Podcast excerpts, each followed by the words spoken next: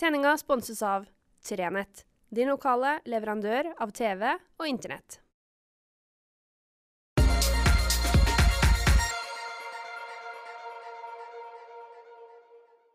Riktig god fredag. I dag gjorde jeg noe som jeg aldri har gjort før. Jeg oppretta en spleis. Altså, jeg laga ikke en spleis, for det har jeg gjort noen gang før. Jeg lærte meg faktisk å spleise allerede på, på, på leirskole i Øksfjord på midten av 80-tallet. Eh, men det var ikke denne typen spleis. Det, eh, det var den digitale måten. Eh, jeg har laga ei innsamlingsbøsse til årets TV-aksjon. Og nå vet jeg at det er noen av dere der ute som tenker mm, nei, de får ikke noe hos meg fordi at de, WWF de, har sagt ja til, nei til å ta ut ulv på Østlandet. Ja, det har de gjort. Og for det første så tror jeg faktisk at det er lurt at vi har noen organisasjoner som sier at vi må tenke oss om. Som er motstandere av det.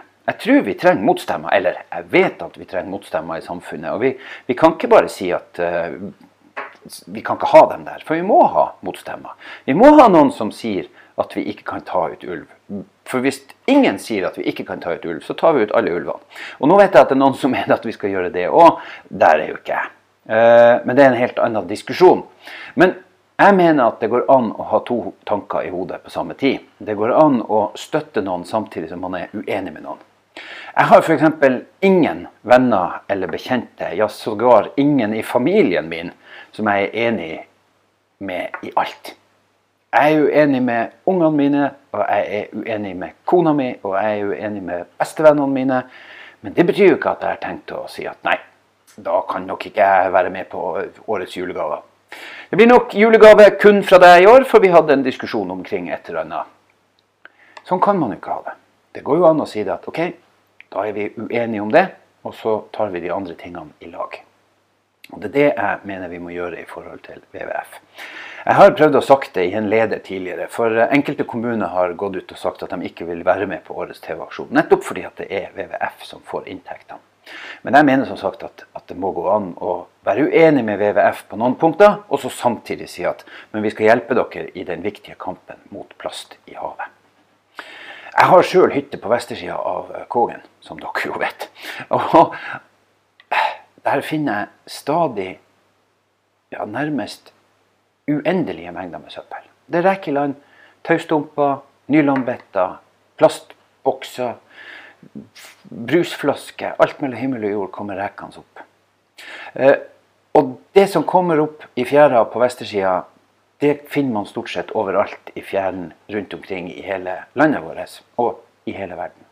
Men noen plasser er det verre. Vi er ikke noe, vi er ikke noe versting i klassen i Norge.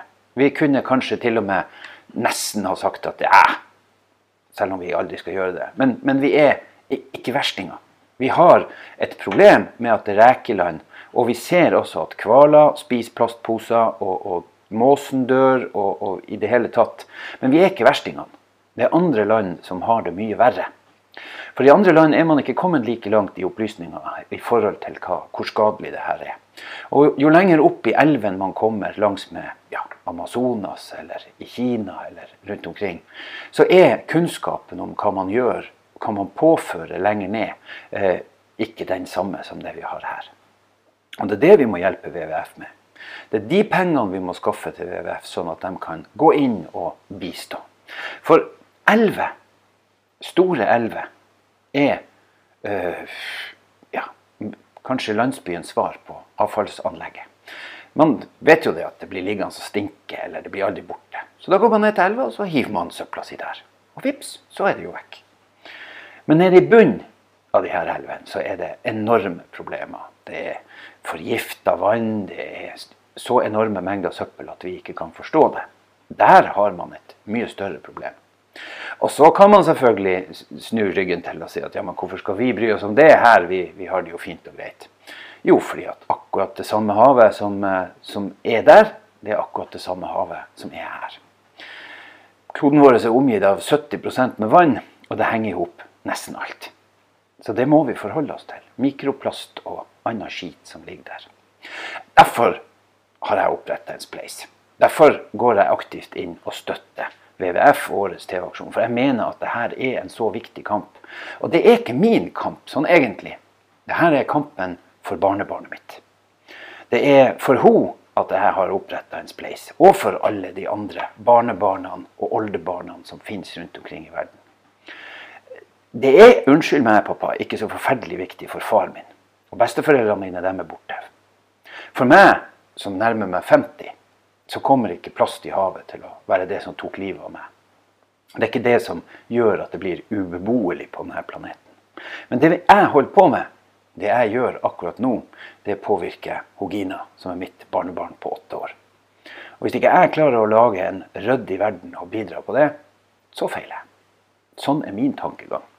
Og så feiler man jo hele tida, selvfølgelig.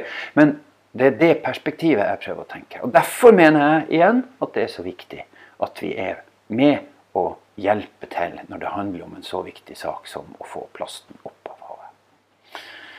Jeg har lest noen dommedagsprofetier som tilsier at vi aldri får det vekk alt sammen. Det tror jeg på. Jeg tror at det er så mye som ligger der nå at vi ikke får det vekk. All mikroplasten og alt som allerede er i, i, i omløp i i økosystemene. Ja, det tror jeg er kommet der og skal ta mange mange, mange, mange år før det er borte. Men vi kan kanskje stoppe utviklinga av mikroplast. Vi kan få bort de store plastbitene, sånn at det ikke blir laga mer mikroplast. Og så kanskje forhåpentligvis en dag klarer vi å finne en måte som gjør at vi får det vekk. Med å trykke på en knapp. Hva vet vel jeg. I hvert fall. Jeg lager en spleis. Og jeg håper jo at folk er med og støtter WWF. Og om dere nå da velger av ulike grunner og ikke ville støtte WWF, så håper jeg at dere finner andre måter å støtte opp om kampen mot plast i havet. For det er en utrolig viktig sak. Og særlig for oss som bor her på kysten, så er havet det er og det har vært vår viktigste inntektskilde og matkilde gjennom mange, mange, mange, mange år. Det er det det handler om. Det handler ikke om akkurat nå, men det handler om om 100 og 200 og 1000 år. Det var det ene jeg tenkte å si. Det andre jeg hadde tenkt å si eh, er ganske innlysende. Men så er det sånn at for et par dager siden så var det da refleksens dag. Og da klarer jo ikke jeg å dy meg, da.